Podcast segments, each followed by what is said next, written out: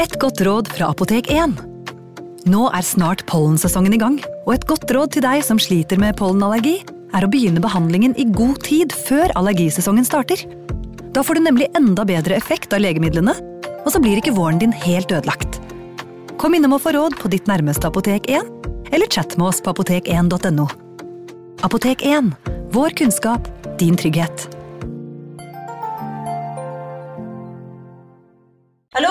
Jeg kommer fra Oslo politikammer. Ine Jansen er purk. Er du purk? The motherfucking bitch. Alt jeg vil, er å finne ut hva som skjedde med mannen min. Jon Carew. Er jeg sikta for noe? Iben Akeli. Det er du. Ole So, Lars Berrum og Big Daddy Karsten. Hvem sin side er du på, egentlig? Anette Hoff, Tone Danielsen, Kommer du fra Afrika? Jørnis Josef, Nesten. Kløfta. Trond Espen Seim, Det er synd å si det, men det var feil mann som døde. Purk. Premiere tirsdag på TV2 Play. Advarsel. I denne podkasten vil du høre historier basert på informasjon programlederne har funnet selv. Programlederne står ikke nødvendigvis inne for meninger og syn som fremstilles. Noen påstander kan avvike fra virkeligheten.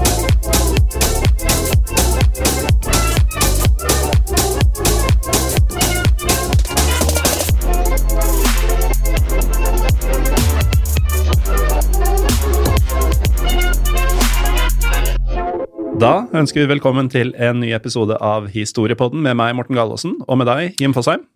Korrekt. Hei, Jim Fosheim. Hallo, Morten. I dag så skal vi snakke om noe jeg har gleda meg til. Eh, vi har ikke holdt på med dette så lenge, men jeg har allerede rekket å glede meg veldig lenge til å snakke om et av mine favorittemner. Vi skal til den kalde krigen, Jim. Åh, og innenfor kalde krigen så har jeg skjønt at spionasje er da favorittsegmentet ditt, da. Det er det, vet du. Og som jeg nevnte i eh, første episoden da vi snakka om eh, den hvite døden, så liker jo jeg veldig godt å reise til eh, østblokkland. Ja, meg. mm, tidligere mm, kommuniststater, rett og slett. Både i og utenfor gamle Sovjetunionen. Og mye av fascinasjonen, og, og dette gjelder for så vidt også Berlin, en av mine absolutte favorittbyer, er det bakteppet her, da. Hvor nært i Altså, dette har jo foregått i vår livs, levetid, ikke sant. Det er så nært både geografisk og historisk til hvor vi bor og hvem vi er. Eh, men likevel så fjernt fra, fra vår virkelighet. Ja. Men uh, altså, jeg hørte jo om den kalde krigen først da jeg gikk på ungdomsskolen, var det vel, i åttende klasse. Da var det litt sånn det, det var nytt for meg. Jeg visste at det hadde vært en disputt mellom Sovjetunionen og USA, skråstrek den vestlige verden, uh, i årene som, eller tiårene som hadde gått, men jeg visste ikke helt Det var hvor. nesten en atomkrig. Ja, ikke sant? Det visste ikke jeg eh, før jeg var sånn 13 år gammel. Og hadde vi gått på skole i USA mens dette pågikk, så hadde vi tatt sånne dumme øvelser hvor vi la oss under pultene fordi det sprengte atombomber utenfor skolen. Ja, det er så absurd. Ja, det er absurd. Altså, men eh, det, det bringer oss jo litt over på hva den kalde krigen egentlig var. da, fordi det var jo etter andre verdenskrig to meget steile fronter. ehm, en såkalt uh, battle of civilizations, kan du si. For det var kommunismen i øst mot kapitalismen i vest, uh, grovt fortalt. Du hadde Nato på, på vestlig side, uh, og så hadde du Warszawa-pakten på østlig. Kort fortalt en vestblokk som var kapitalistisk, en østblokk som var kommunistisk. Og her var det jo to sider som både frykta og mislikte den andre, og som mente at sin vei var den rette for verden. Men i og med at eh, begge sidene hadde såpass enorme arsenal av våpen, og det var jo dette som, eh, som den kalde krigen skulle handle om, det ble jo en informasjonskrig først og fremst, der begge parter var livredde hverandre, der begge var atommakter og visste at en faktisk krig ville bety atomkrig, mest sannsynlig, og dermed garantert utslettelse av egentlig begge sider. Og det hadde vært litt dumt. Det ville jo begge Så optimalt ikke det. Ja, det, det, det ville de helst eh, unngå, da. Men det, det ble jo da en slags eh, kamp om terrorbalanse, om å ha mest eh, leverage. Den som eh, Å fremstå som mer mektig enn den andre, sånn at den andre ikke ville angripe deg. Mm. Eh, og i den sammenheng så var jo spioner en eh, vesentlig del av taktikken. Og i hvert fall jeg, Morten, som kanskje ikke er like bevandret i spionverdenen som deg, så tenker jeg fort på James Bond eller eh, Jason Bourne eh, når jeg tenker spioner. Ja, Ikke sant? Og det er jo en veldig Antagelig en ganske overdrevet eh, Hollywood-variant. Føles litt sånn jo mer vi har lest oss opp på nettopp spionasje. Ikke sant? Og det å droppe en én mann inn i Kreml, hvor han tar kål på hele sikkerhetsstaben på et kjernekraftverk og sånn. Det er ikke alltid sånn. Det er ikke alltid sånn. Eh, hvis vi skal holde oss til populærkultur, så tror jeg The Americans er en mer realistisk eh, referanse. De tåler veldig mye i The Americans. Ja, en mer realistisk, eh, om ikke veldig, kanskje. Ja, for virkeligheten rundt uh, spionasje er nok uh, veldig mye mer nedtonet Hollywood-versjon av uh, yrket. Man tenker gjerne spionasje mellom land, typ Tyskland og England under annen verdenskrig, eller i dette tilfellet her kalde krigen mellom Russland og USA. Men det kan også være på selskapsnivå, eh, også kalt industriell spionasje. Og det får meg til å tenke på en helt annen film. Har du sett Wall Street, Morten Gallosen? Gordon Gekko-gutta? Bud Fox eh, jobber for Gordon Gekko. Han får oppdrag å eh, kle seg ut som eh, vaktmester og ta rundturer i et av selskapene som er børsnotert eh, på New York Stock Exchange. Og her tar da altså Bud Fox frem eh, lommekamera, som på 80-tallet ikke er spesielt uh, lite. Screenshotter eller tar bilde av masse av dokumentene, leverer det til Gordon Gekko, og Gordon Gekko finner ut at selskapet skal kjøpes opp av en annen investor, så Gordon Gekko handler alt han kan få tak i av aksjer i selskapet Anacott Steel. Og her ligger jo um, spionasjens kjerne, da. At det handler om å tilegne seg informasjon mer enn noe annet. Og spionasje mellom land har jo gjerne fatale konsekvenser for de som blir tatt i å spionere. Og spesielt under den kalde krigen så var det, som du nevnte, Gallosen, steile fronter. Ble du tatt for spionasje da, så havna du enten i et kammer Store muligheter for å bli torturert helt til de fikk all informasjonen de ønsket av deg, eller du ble tatt av dage. Og da skal vi gå inn på dagens mann. Vi skal fokusere på én eh, agent spesielt, eller en spion om du vil. CIA-agenten Aldrich Ames. Og dette er en av de absolutt, absolutt mest eh, spektakulære eh, spionhistoriene fra den kalde krigen, etter min mening i hvert fall. Og det er ikke helt Altså, det er ikke James Bond og Jason Bourne i den forstand at eh, de er Du har ikke actionsekvensene, men alt annet er på plass. Ja, og det er nesten sånn at du tror ikke det er sant. Nei, ikke sant. Det, det er så mye her som, som virker absurd, og vi, vi skal betvile CIAs uh, um, evner til å gjøre jobben sin uh, ganske kraftig når vi kommer inn i historien om Aldrich.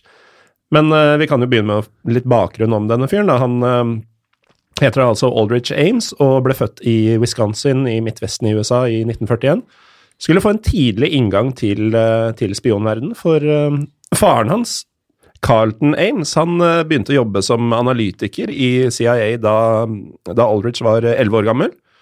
Og derfra så ble jo veien inn i The Agency, som det kalles eh, kort. Han, eh, Aldrich begynte å jobbe der allerede som tenåring, eh, som en sommerjobb mellom årene på high school. Det er ganske sjukt å få innpass der i, i denne alderen. Kul sommerjobb. Det er ganske fet sommerjobb. Selvfølgelig et lavt klareringsnivå og, og det, men du er da 16-17 år og jobber for CIA om sommeren. Han gjorde det noen somre på rad. Kanskje noe som kan bidra til litt ekstra dametekke. Jeg vil jo tro at det ikke er til skade, i hvert fall. Og det kommer vi til å se senere i historien, at eh, det å være med i CIA er kanskje ikke så dumt hvis du er eh, ute etter damer. Nei, og Aldrich James var jo, skulle vise seg, han var ikke uinteressert i kvinner. Han var en skjørtejeger. En notorisk sådan. Han var notorisk på mye, men eh, før vi kommer dit, så, så må vi fortelle litt om, eh, om far, uh, Carlton. Han ble nemlig plassert av CIA i eh, Sørøst-Asia eh, et år etter at han ble ansatt eh, i, i 1953, blir dette. Og familien Ames tilbrakte da tre år i det området før han ble kalt hjem igjen. Og i løpet av disse årene, og dette blir et slags omen for, for Aldridge Ames også Faren hadde nemlig betydelige alkoholproblemer og mottok særdeles dårlige tilbakemeldinger på jobben han gjorde i Sørøst-Asia. Såpass ille var, eh, var livsstilen og resultatene han produserte, at han forble en eh, kontorrotte, rett og slett, på hovedkvarteret resten av karrieren. Eh, Dytta papirer rundt omkring, og det var det han bidro med. Aldrich på sin side begynte altså sin CIA-karriere i noen dunkle lokaler der han merket klassifiserte dokumenter før de ble arkivert, og dette gjorde han i tre somre. Før han begynte og droppa ut av University of Chicago. Surra litt rundt i forskjellige jobber, bl.a. i teater i Chicago, før han returnerte til Washington DC i 1962. Og der gjenopptok han de samme typer jobber han hadde gjort for CIA som high school-elev tidligere. Det sies at uh, Ames aldri hadde noen planer om å ta en videre karriere i CIA, men han ble da med i et karriereprogram i CIA, da. Og han gjenopptok uh, studiene. Han fullførte en bachelorgrad i historie. På George Washington University, samtidig som han møtte Nancy Segerbart i karriereprogrammet i uh, CIA. Ames ble så videre stasjonert til Ankara i Tyrkia, og Nancy måtte da trekke seg ut av CIA, ettersom det var en regel mot at gifte internt i agencyet ikke kunne være ved samme kontor. I Tyrkia så var Ames sin oppgave å få rekruttert russiske strategiske mål. Og hva betyr egentlig det? Jo, det betyr russiske agenter eller noen fra den russiske sovjetiske siden som hadde informasjon som kunne gagne USA. Eh, det første han da gjorde, var å infiltrere det kommunistiske Dev Genk-organisasjonen. Og til tross for hva han selv oppfattet som en enorm suksess, i og med at han klarte dette så var tilbakemeldingen fra CIA, andre kollegaer og også lederen hans, var at oppdraget hans kun var eh, utført på en helt ordinær og akseptabel måte. Og der faren hadde fått mye dårlige skussmål for jobben han gjorde i Sørøst-Asia, så skulle det å få litt sånn halvveis tilbakemeldinger også være noe som gikk igjen i uh, Aldrich Ames ja, sin karriere? Vi, det skal vi se mye til. Men det var også her i Ankara at de første tankene til Ames om at han uh, ikke følte seg ivaretatt eller satt pris på av CIA, begynte å oppblomstre, da. Eller blomstre frem. I 1972 ble Ames sendt tilbake til hovedkvarterene i CIA. Og dette her er også noe som går igjen veldig mye, Morten. At uh, Uansett om det virker som at han gjør en middels og ofte ikke en veldig god jobb, så blir han egentlig Det føles jo ut som han får en forfremmelse hver gang. Ja, det gjør det. Han opparbeider seg en merkelig tillit og, og ansvar for store, viktige operasjoner for ja. verdensfreden. Og det han jobber med, er desto mer hemmelig. Alt beskrives som mer og mer top secret hele veien. Han blir i 1972 sendt tilbake til hovedkvarterene i CIA, og de, neste, og de neste fire årene jobbet han i avdelingen for Sovjet Øst-Europa. Her fikk han for første og en av de få gangene gode skussmål av sjefen sin. Eh, og det ble også notert at han var vesentlig bedre på kontorarbeid enn å være ute i feltet med å rekruttere bl.a. agenter. Samtidig så gikk det noen varselslamper når han jobbet på, eh, på kontoret også. Kollegaene hans beskriver han som litt vel glad i alkohol. Mm. Som faren var. Som også far. Eh, og om det betyr at han faktisk drakk på kontoret, det hadde ikke overrasket meg når vi skal føre resten av historien. Han drakk i hvert fall utrolig mye utenfor jobb, som også påvirket jobben.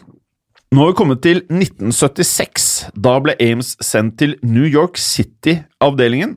Eh, her var han ansvarlig for å passe på to sovjetere og innhente informasjon fra disse sovjeterne. Her skal kollegaene til Ames ha gitt han fremragende skussmål, og fikk for dette en forfremmelse og økt lønn. Men dette ledet jo da til det som skulle bli mønsteret til Ames. For det tok ikke veldig lang tid før han viste sider som ikke hørte hjemme hos en CIA-agent, og kanskje ikke i noe som helst av arbeid der ute. Han var nemlig altfor treg til å avlegge rapporter. Han blir beskrevet som en prokastinør. Han klarte alltid å finne unnskyldninger til hvorfor ting ikke kunne leveres til tide. Og skriftlige referater kom av og til på avveie, og han var meget Han blir beskrevet som meget uoppmerksom i sitt arbeid. Han er jo den fødte hemmelige agent. Uh, ja, mer sånn Johnny English, altså Mr. Bean, kanskje.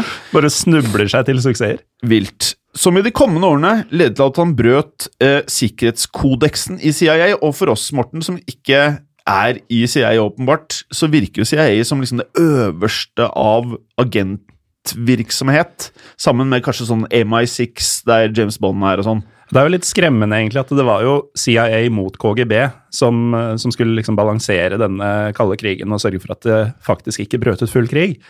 Og det vi hører om CIA i historien om Ames, det er ikke tillitsvekkende, altså.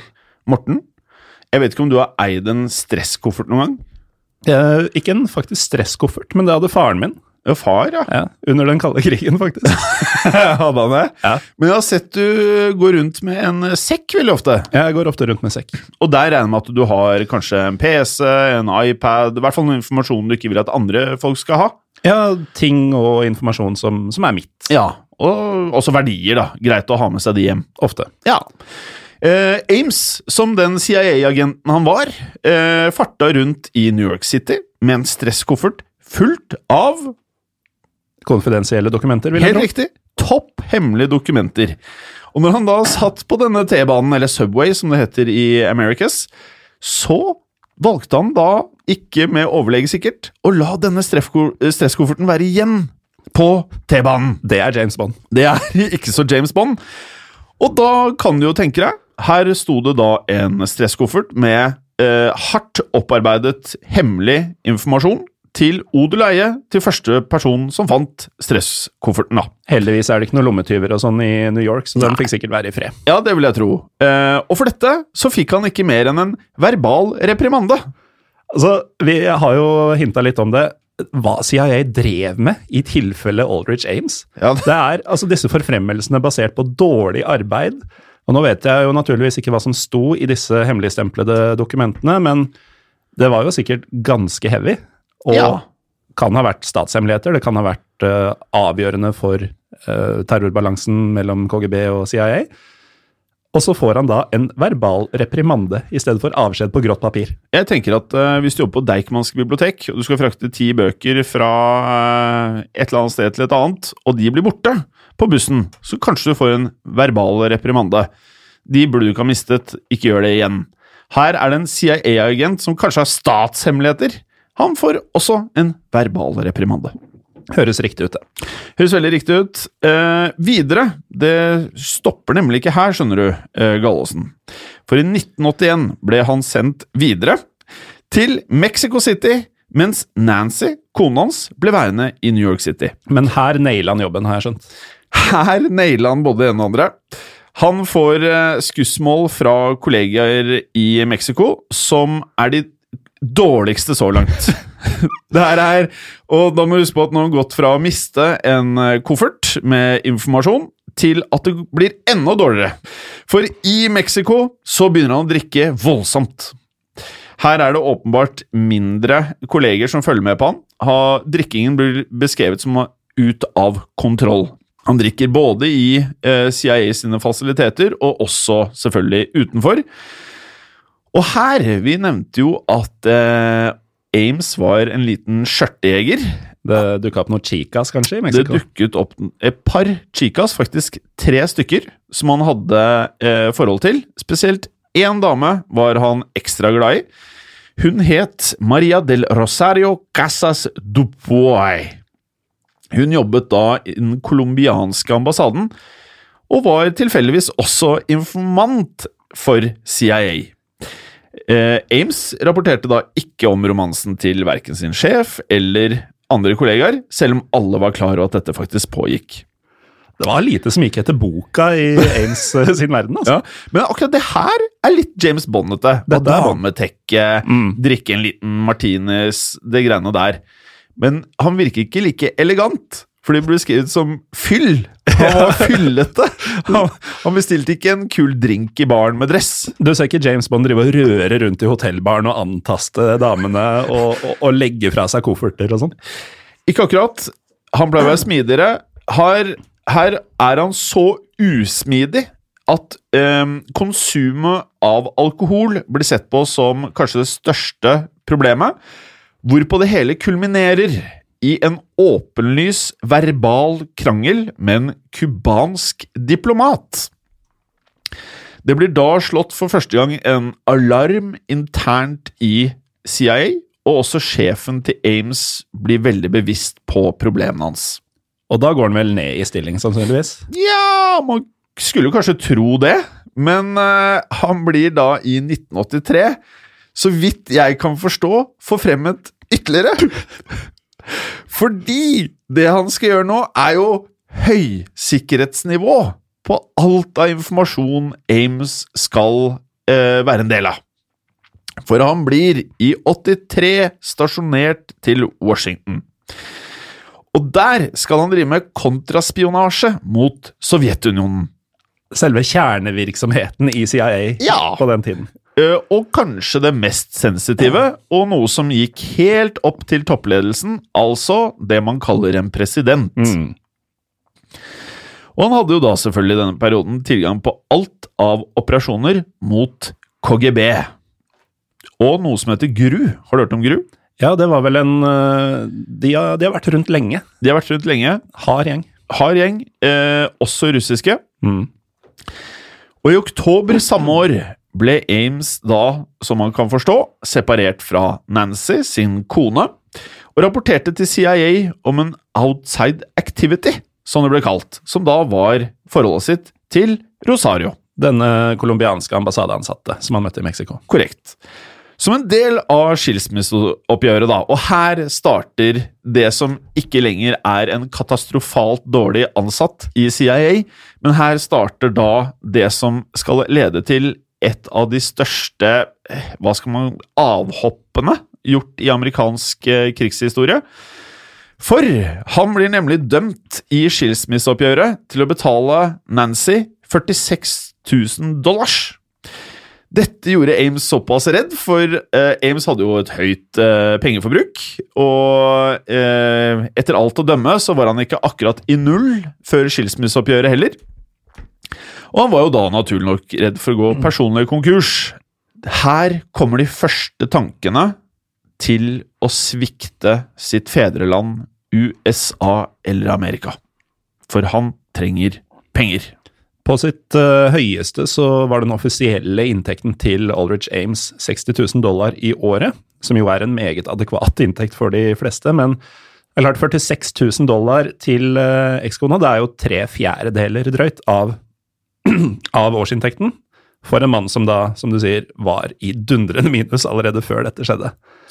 Og øh, hvor, eh, historien om hvordan Ames gikk fra en eh, hva skal vi si, mer eller mindre lovende agent til forræder, er altså historien om en personlig tragedie. Uh, Ames sin drikking, krangling og skilsmissen brakte han ikke bare i diskreditt hos eh, CIA, men også i økonomisk eh, ruin. Og våren 1985 skulle den notorisk fristede Ames krysse en grense han ikke kunne gå tilbake fra, som han også selv har uttalt i ettertid. Dette var da i en periode da jobben besto eh, av å faktisk kontakte sovjetiske ambassadeansatte med det formål å rekruttere dem til amerikansk side, der han leverte, og, dette var med eh, Dette var et oppdrag i regi av FBI og CIA, de visste om det. Han leverte tilsynelatende uviktig informasjon til Sovjetunionen for å etablere troverdighet som en insider hos eh, CIA. Eh, det følgende tror jeg ikke CIA og FBI var like klar over, men han ba russerne om 50 000 dollar for den informasjonen. Og det var så lett å få det. Han, han fikk det nærmest umiddelbart. eh, no questions asked. Og da, vet du er, Du kan nesten se for deg at det plinger sånn derre lampe og en dollartegnsekk over huet til eh, Ames idet dette funker. Så For her, her kunne vi i én sleng betale alt det Nancy skulle ha fra skilsmisseoppgjøret, faktisk. Ja, og fortsatt sitte igjen med liksom 50 000 norske kroner. Par flasker whisky også. Det blir litt whisky av det. Uh, han har hevda selv, da, Ames, uh, at han aldri hadde planlagt noe, noe lenger enn dette. Men hvor enkelt han kunne få tak i et så betydelig beløp, med det forbruket han hadde og med den gjelden han hadde, det vippa han rett og slett over. Eh, han, var, eh, han var solgt. Og nå klikker det, vet du. På kort tid så avslører Ames et tosifret antall amerikanske spioner, som alle ble likvidert av KGB eh, og Sovjetunionen. Han har forklart at motivasjonen hans for dette var, var todelt. For det første så tjente han nå mer penger enn han selv kunne bruke. Eller enn selv han kunne bruke, om du vil. Han hadde jo et skyhøyt forbruk.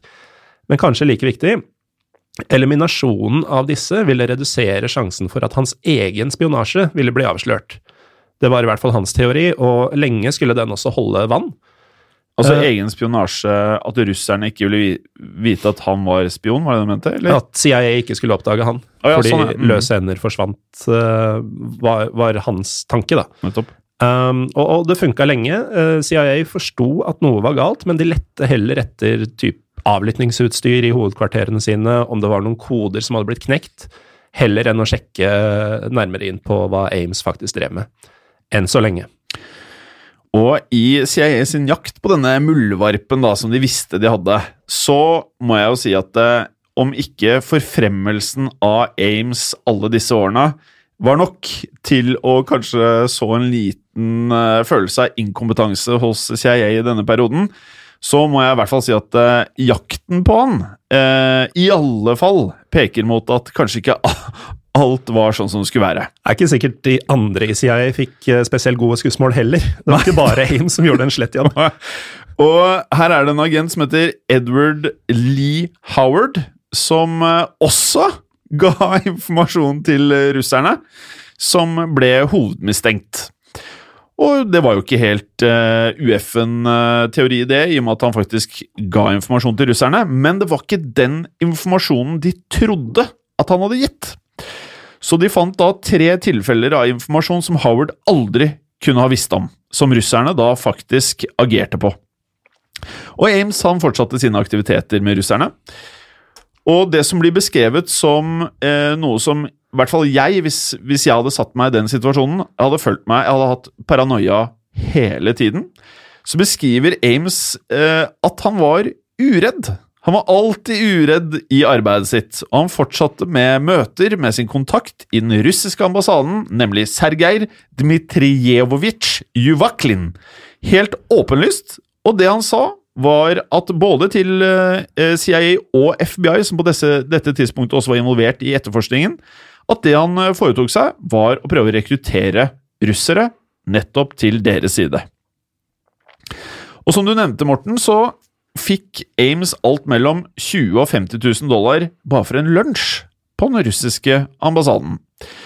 Og her var det noen ganger eh, viktig informasjon som han ga russerne, men av og til så blir det også beskrevet at han var innom for å få litt ekstra dough.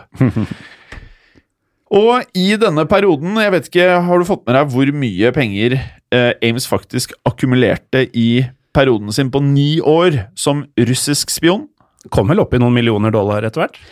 4,6 millioner dollar. Og dette da på en tid hvor du fikk mye mer for en dollar enn du gjør i dag? Ja, det var meget i kronasje, dette her. Eh, og det var nok til å finansiere en ikke ekstravagant livsstil, men en meget ekstravagant livsstil.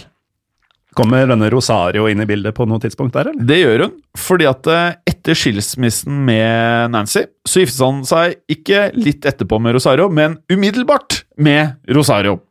Eh, og hun var jo vel vitende om at eh, livsstilen hans var eh, eh, ja, dyr, og hun likte også dyr livsstil. Så det de da gjorde for at eh, CIA og FBI ikke skulle vekke mistanke, var at de sendte masse penger ned til Rosario sin familie i Colombia, sånn at de også kunne tilegne seg en rik og ekstravagant livsstil, kjøpe dyrt hus, dyr bil, fåre og flotte gardiner, slik at historien han nå serverte til CIA og FBI, som var at han nå hadde giftet seg inn i penger, for han hevdet at Rosario kom fra en meget rik colombiansk familie. Dette er jo genialt, egentlig. Bortsett fra at det sikkert er ganske enkelt for et eh, CIA, dersom de hadde gjort jobben sin, ja. å, å, sjekke dette, uh, for eksempel. Man skulle tro det var mulig å sjekke noe ligning eller et eller annet. Mm. I 1986 så hadde Ames sitt Sovjet så mange hemmeligheter at Ames omsider måtte fortelle KGB at han nå var så redd for å bli mistenkt, og når han beskriver seg selv som uredd hele veien, og han endelig kommer til et punkt hvor han faktisk får litt paranoia, så tenker jeg det er ille. Og det da KGB gjorde, som er litt sånn russisk eller sånn spionfilm for meg, som er litt sånn at de er litt kløktige, lurer amerikanerne For det de gjorde, var å bruke en av deres dobbeltagenter. Og dobbeltagenter er jo da, Morten er En som uh, tilsynelatende er på én side, men er på den andre. Kanskje er han på begge samtidig mange muligheter der. CIA trodde de fikk riktig informasjon, Og det de skal ha fått servert, er at eh, den som angivelig ga informasjon til Sovjet, var en agent som holdt til, eller var stasjonert ved Warrenton Training Center. Som høres som kanskje en sånn camp, eller høres ut som eh, et sted du og jeg kunne komme til god form. Men dette var et topp hemmelig kommunikasjonssentral i Virginia. Og dette ledet da CIA i det kommende året til å bruke alle sine ressurser på etterforskning på Warrenton Training Center. Dette er da basert på et tips fra en de trodde de kunne stole på, som viste seg å være falskt. Helt korrekt. Eh, de, de etterforsket 90 av de ansatte og kom frem til ti hovedmistenkte. Hvorpå sjefsetterforskeren, eller hovedetterforskeren, sier at de ikke klarte å peke ut en av de ti som hovedmistenkt. Fordi av de ti så mente han at alle ti var forstyrret i hodet. Og at det like gjerne kunne vært alle sammen. Det begynner jo å bli lett å forstå hvorfor en fyr fra videregående bare kunne marsjere inn der og ta en jobb eh, i CIA. Altså, Jeg blir sjokkert over hvor kaotisk det virker å være fra utsiden. Eh, og man må jo kunne si at det, det må jo vanke en god del inkompetanse, eller eh, kontrollsystemer som ikke slår eh, alarm. Og så, da, i 1986, så blir Ames stasjonert i Roma. Eh, og igjen, dette var jo, var jo ikke noe nytt. Arbeidet hans blir igjen kategorisert som middelmådig til dårlig. Men jaggu tror du kan bli stasjonert på nytt, denne gangen til kontras, eh, Kontraspionasje, senterets analysegruppe, som kan sies å være det mest ærefulle og topphemmelige man kunne gjøre i CIA på dette tidspunktet. For her fikk han, som man kanskje eh, også tror ut ifra eh, navnet på stedet, høysensitiv informasjon. Og også informasjon om de fleste av USA sine dobbeltagenter. Og nå begynner det virkelig å bli sexy, fordi dette er da i 1986, samme året som Ames da tilsynelatende, etter å ha fått dårlige tilbakemeldinger på jobben sin, får enda større tilgang til, eh, til høysensitiv informasjon. Og dette er samtidig som CIA har satt ned en, eh, la oss kalle det en task force, for det høres ganske kult ut, for å finne kilden til eh, lekkasjene. Og de, de vendte, om ikke enhver stein, så de aller fleste, de, de sjekka etter avlytting, de eh, sjekka sine safe houses og uh, pickup locations. Nå er det mye dårlig norsk her, må jeg beklage. Uh, og ikke minst så lette de etter muldvarper. Og i 1990 Det høres bedre ut på engelsk, da. ja, altså, hva skal du si uh, Hva skal du kalle et safe house på norsk? Nei, uansett hva det har blitt, så har det vært kjipt. Og muldvarp, det er jo ikke det hissigste ordet for eh, en uh, forræder. Det er ikke det. Men uh, i hvert fall så var de i 1990 så sikre på at det var nettopp en muldvarp som var kilden til lekkasjene, at de rett og slett slutta å rekruttere nye sovjetiske agenter, det som hadde vært melkekua i årevis med tanke på å tilegne seg informasjon. De var nemlig ikke trygge på at de kunne beskytte de de allerede hadde. Um, litt før dette, november 1989, så rapporterte en CIA-ansatt om at Ames sin livsstil i stor grad overskred betalinga en i hans posisjon fikk, Eh, og at den påståtte rikdommen til svigers i Colombia var sterkt overdrevet. I denne taskforcen så satt en dame som het Diana Worthen. Eh, hun fikk ferten av noe pga. dette. Hun hadde nemlig kjent Rosario Ames fra tidligere, og aldri fått inntrykk av at familien var spesielt velstående. Eh, I tillegg så hadde Rosario og Diana Worthen hatt en samtale der um, Rosario hadde bedt om råd da de skulle få nye gardiner i, i Ames-husholdningen. Jaha. Fordi Worthen, Diana Worthen hadde nylig fått nye gardiner selv. Eh, hun visste at dette kunne være et meget kostbart eh, prosjekt. Og hadde da spurt Rosario sånn Ok, hvilket rom skal dere liksom ta først? Fordi dette er jo en flerledda investering. Eh, Rosario hadde nærmest bare ledd av henne og bare sagt Nei, prisen spiller ingen rolle, vi tar hele huset i et jafs. Ja. Kløktig. Ja, det er jo Holder en lav profil, da. Ja.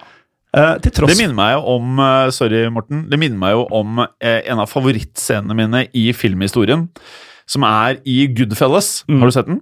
Ja, jeg har sett den. Eh, nydelig film av Martin Scorsese. Hvor eh, Jimmy, spilt av Robert De Niro, sier til alle de andre mafiosoene som han jobber sammen med, etter å ha rana jeg tror det er eh, flyplassen i eh, New Jersey, så raner de det for det som på det tidspunktet er en record load med penger. Ikke kjøp noe! Og så kommer alle gutta med hvite Cadillacer, har kjøpt pels til kona, og Jimmy klikker, sender alle hjem igjen, ender med å drepe hele gjengen, for han var redd for å bli avslørt. Nylig så jeg Olsenbanden møter kongen og knekten. Ja, det er nesten det samme. For n-te gang.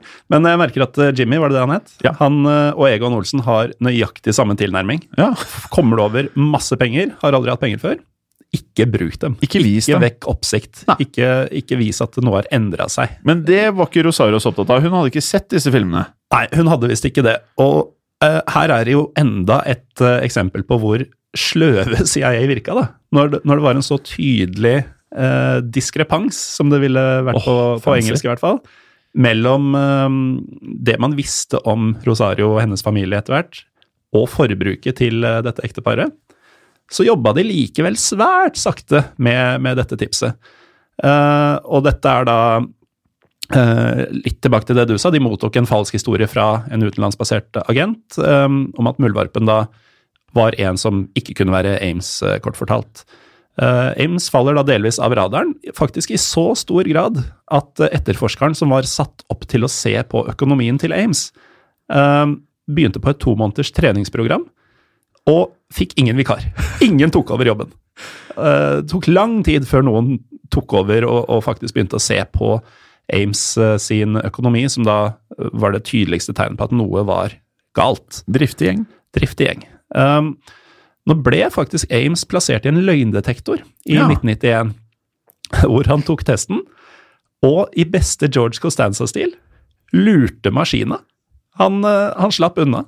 Og dette var faktisk andre gang han, eh, han tok en uh, løgndetektortest om, eh, om disse spørsmålene om uh, forræderi, om uh, han hadde gitt informasjon til uh, sovjeterne. Andre gang han klarte å komme unna.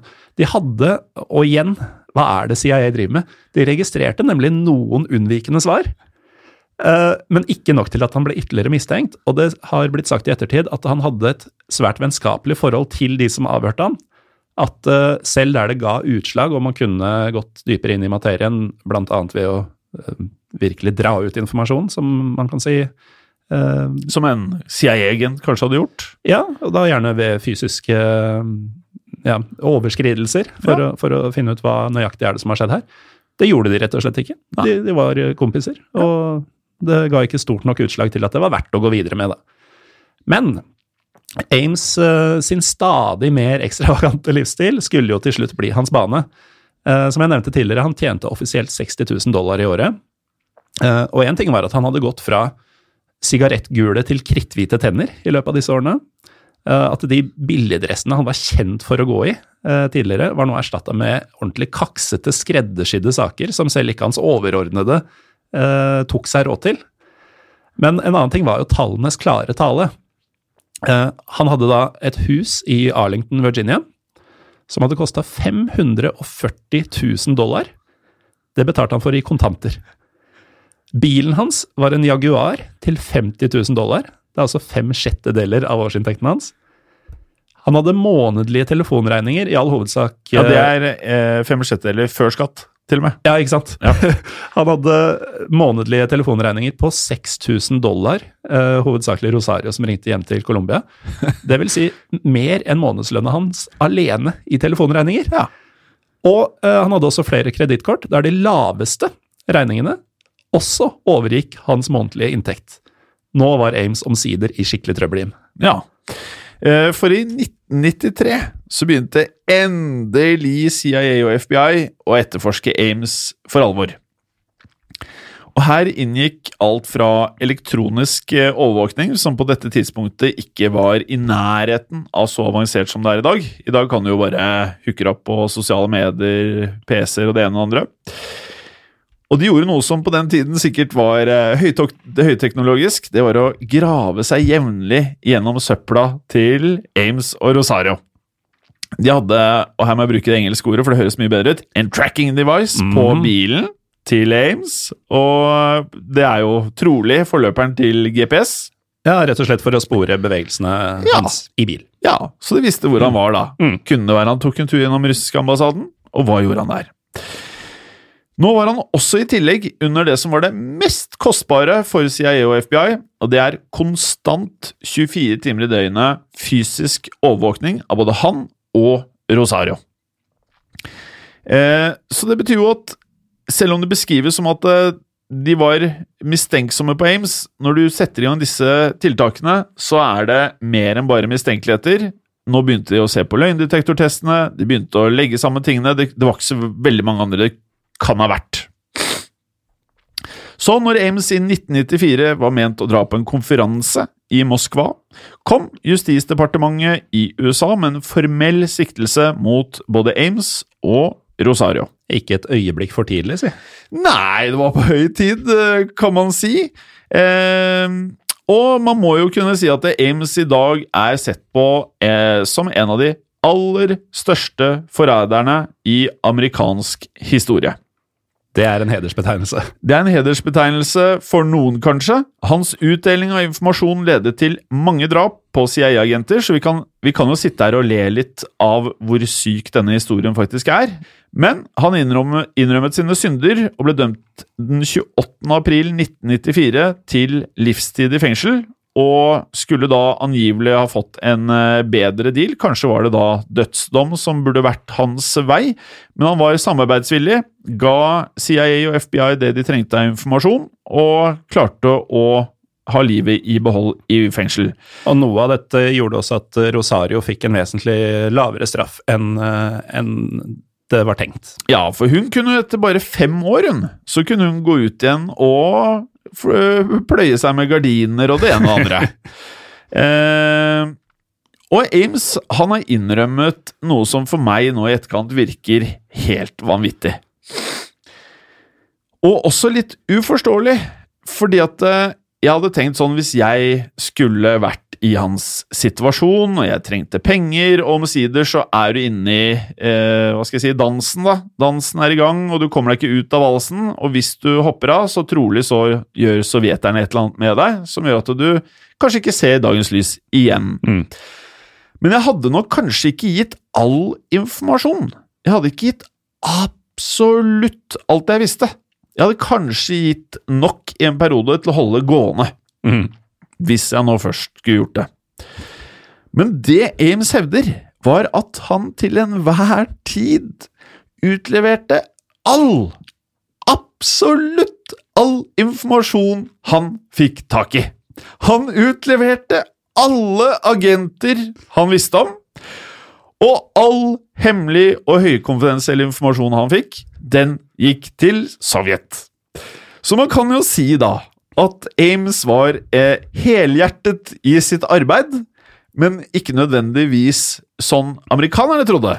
Nei, og med tanke på de dårlige tilbakemeldingene han hadde fått på jobben sin store deler av karrieren, så kan det jo litt ironisk si at det han gjorde verst, gjorde han også best. Det er helt riktig. For på en arbeidsplass så tenker jo jeg da Det hender jo at man tar en ekstra slurk med kaffen, og man kanskje burde svare, eller slå på telefon til eh, eller om man har en kunde, eller hva det måtte være, eller man bruker lengre tid på å svare på en mail. Men Ames, han gikk 100% inn i arbeidet sitt.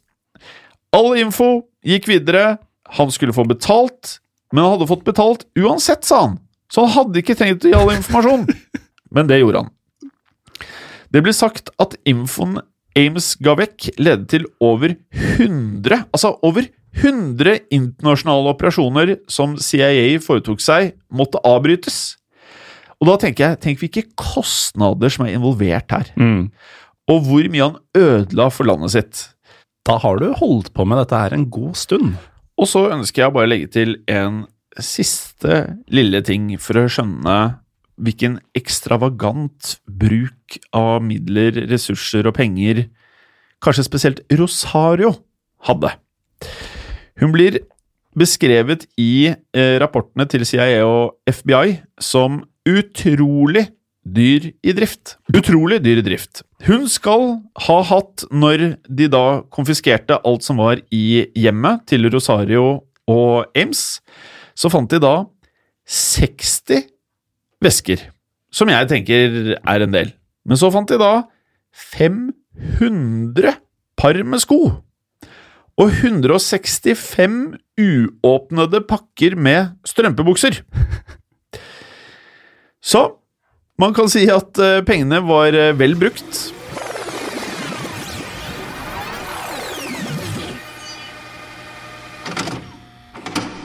Og så over til andre gang vi har denne spalten, Morten. Tidsmaskin, tidsmaskin.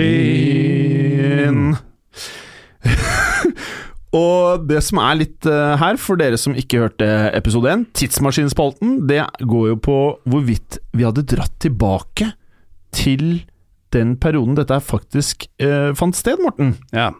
Og nå er jo dette en lang historie om hele Ames sitt liv, men eh, vi kan kanskje kutte ned til de siste ti årene før han ble arrestert? Sånn type 84 til 94, eller? Ja, jeg syns jo det var eh, Ja, det kan vi gjøre. Det kan vi godt gjøre. Uh, og vi levde jo på den tiden begge Vi to, levde. så det handler om å være voksen og faktisk delta i samtiden. Eller tenker vi at uh, vi måtte være tett rundt i hans sfære, oh. sosiale sfære? Det kunne jeg egentlig tenkt meg. Ja, da begynner det å bli vanskelig å takke nei til denne tidsreisen, føler jeg. Jeg var jo veldig positivt innstilt i utgangspunktet, før du nevnte akkurat det. Eh, fordi, altså, for meg er det mange årsaker til å, til å oppleve siste del av 80-tallet. Eh, som fotballfan så er jo det siste gang Lillestrøm f.eks. var sammenhengende suksessrike. Eh, det er jo bare noe jeg har hørt, hørt gjetord om fra gamlinger. Å, sier du det?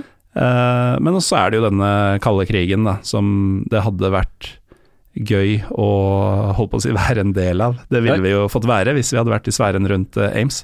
Den kalde krigen frister meg veldig lite. Det er, det er liksom ankepunktet i hele storyen. For at eh, Men nå prater vi om voksen alder i Norge, kanskje, på den ene siden. Men vi prater om at vi skal være i USA, i, i alle landene der eh, Ames faktisk var. Og da føler jeg liksom at eh, den hoppe under skolebull skolepultmentaliteten hver gang brand, alarmene gikk, da. Kanskje ikke fenger meg så mye, men det å være nær Ames som en det der James Bond-setupet for meg er det som kribler litt. Grann, da. Og så kommer det til en liten sånn X-faktor. Jeg syns det er veldig feil at han tok alle pengene fra russerne for å ødelegge for amerikanerne. At han ga all informasjonen til russerne. Veldig ikke optimalt, men han var åpenbart god til å gi gaver. Hmm. Så min tanke her er ved å være venn med Ames, så blir man på en måte litt sånn entourage. Jeg skulle til å si det, at uh, det høres jo mer ut som serien Entourage enn James Bond etter hvert. Ja, Men uh, hvorfor ikke sko seg på situasjonen, sånn som Ames gjorde? ja, for russerne satt jo med informasjon uansett, tenker jeg. Ja. Og vi ville jo ikke visst hvor Ames fikk penga fra. Vi ante jo ikke det. Vi ville jo trodd det var den colombianske svigerfamilien. Ja, vi hadde tenkt at det her var penger vi hadde fortjent. Ja, For å være venn med en så for å henge rar rundt den fyr som Ames. tullingen der. Ehm, ja, så jeg tenker jeg kanskje hadde pelt meg bort til Ames, jeg, som venn i voksen alder. Ja, jeg ser egentlig ingen ulemper. Ingen ulemper, bortsett fra hvis vi hadde visst hvor penga kom fra. Ja, men det, det ville vi jo ikke gjort. Ja, det er premisset her, CIA vet har jo vist at det var jo mye vanskeligere enn man skulle tro når man Ja, vi hadde eh, i hvert fall ikke klart å finne ut hvor pengene kom fra. Nei, det hadde vi ikke. Med mindre vi hadde fått uh, Aldrich og Rosario drita. Ehm, ja Da tror jeg Rosario hadde skravla, altså. Ja. Jeg tenkte vi kan um, dra et sitat som han hadde om det å unnvike løgndetektortestene. Det gleder jeg meg til. Så vi kan jo takke for oss med Aldrich Ames sine egne ord. There's no special magic. Confidence is what does it. Confidence and a friendly relationship with the examiner. Rapport, where you smile and make him think that you like him. Så enkelt er det altså å lure en løgndetektor, ifølge en som kan det. Aldrich Ames. Så neste gang noen gjør noe gærent, så kanskje høre på Ames. Og igjen, jeg sammenligna han med George Costanza tidligere. Ja. Han har jo også en uh, fin liten nugget om uh, løgn. Å ja. It's not a lie if you believe it. og det er jo egentlig det han sier her. ja. Han gjør faktisk det. Confidence. Selv løgn som om en sannhet. Så er det i mål. Jeg, har, har du sett bildet av Rosario? Uh, nei, det har jeg faktisk ikke. Nei. Jeg tror vi må finne et bilde og legge det ut på Instagram, både av Ames, Rosario, og gjerne litt eh, om vi finner noen bilder av det som faktisk ble funnet i leiligheten. Mm. Kanskje av bilene, alt det de flotte greiene de akkumulerte med disse eh, blodpengene. Ja, det, det tror jeg vi må, fordi vi har snakka om det. Men eh, det å se eh, f.eks. skoutvalget til Rosario, det er jo helt ellevilt. Helt ellevilt. Følg oss på Historiepodden Norge. Riktig. Og så Følg gjerne Facebook-siden vår også. Som eh, jeg tror faktisk vi ikke har lagt opp bilde der helt ennå, men det kommer denne uken her. Tar du Mm. ansvar på det, Morten? Det kan jeg gjøre. Åh. Skal vi gjøre det sånn at jeg styrer Instagrammen, du styrer Facebooken? Ok. Det er en fin greie. Da vet lytterne hvem de skal rette all sitt uh, sinne mot. Eller eh, det motsatte av sinnet, som er glede. Ja. Liker dere Jim best, så send oss noe på Instagram. Liker dere meg best, så send det på Facebook. Å, du Så kan vi konkurrere litt. starte match. Mm. Ja, jeg liker det dårlig på den ene siden, men på den andre siden liker jeg godt hvis det er jeg som får mest. Morten, Jim, vet du hva vi liker eh, på Instagram? Nei, på eh, iTunes? Ratings. Vi liker ratings. Og gjerne, altså stjerner er fint, Ja, stjerner men er gjerne en liten kommentar om hvorfor eh, antall stjerner eh, er det som kommer også. Ja. For da vet vi både hva som funker og hva vi kan forbedre. Ja. Og så er det jo særdeles hyggelig at det har kommet masse énstjernere, fordi det har tatt lang tid at episoden har kommet ut. Det kan man kanskje endre hvis man liker eh, episoden, syns jeg. Ja, Nå er jo episodene ute og kommer jo i et ganske stabilt tempo framover, så det hadde jo vært fint hvis dere ikke ikke lar den eneren bli stående. Ja! Og på lørdag så skal vi gjøre storeslem oppi brakka her. Vi skal produsere masse podkastepisoder. Da blir det jobb. Åh, Hva er det vi pleier å avslutte med, Jim? det har skjedd. Og det kan skje igjen.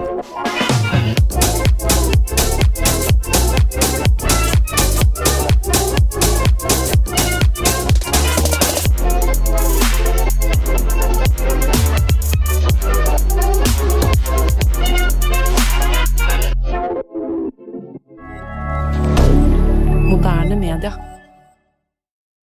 Har du et enkeltpersonforetak eller en liten bedrift? Da er du sikkert lei av å høre meg snakke om hvor enkelt det er med kvitteringer og bilag i fiken, så vi eh, gir oss her, vi.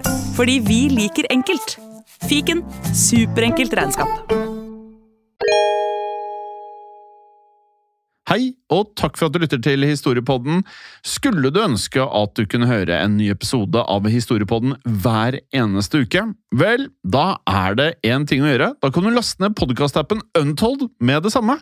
For i tillegg til ukentlige episoder av podkaster som Historiepodden andre verdenskrig, Henrettelsespodden og også Gangsterpodden, så får du masse annet reklamefritt og også eksklusivt innhold. Last ned Untold i AppStore eller Google Play og start din 30 dagers gratis prøveperiode allerede i dag.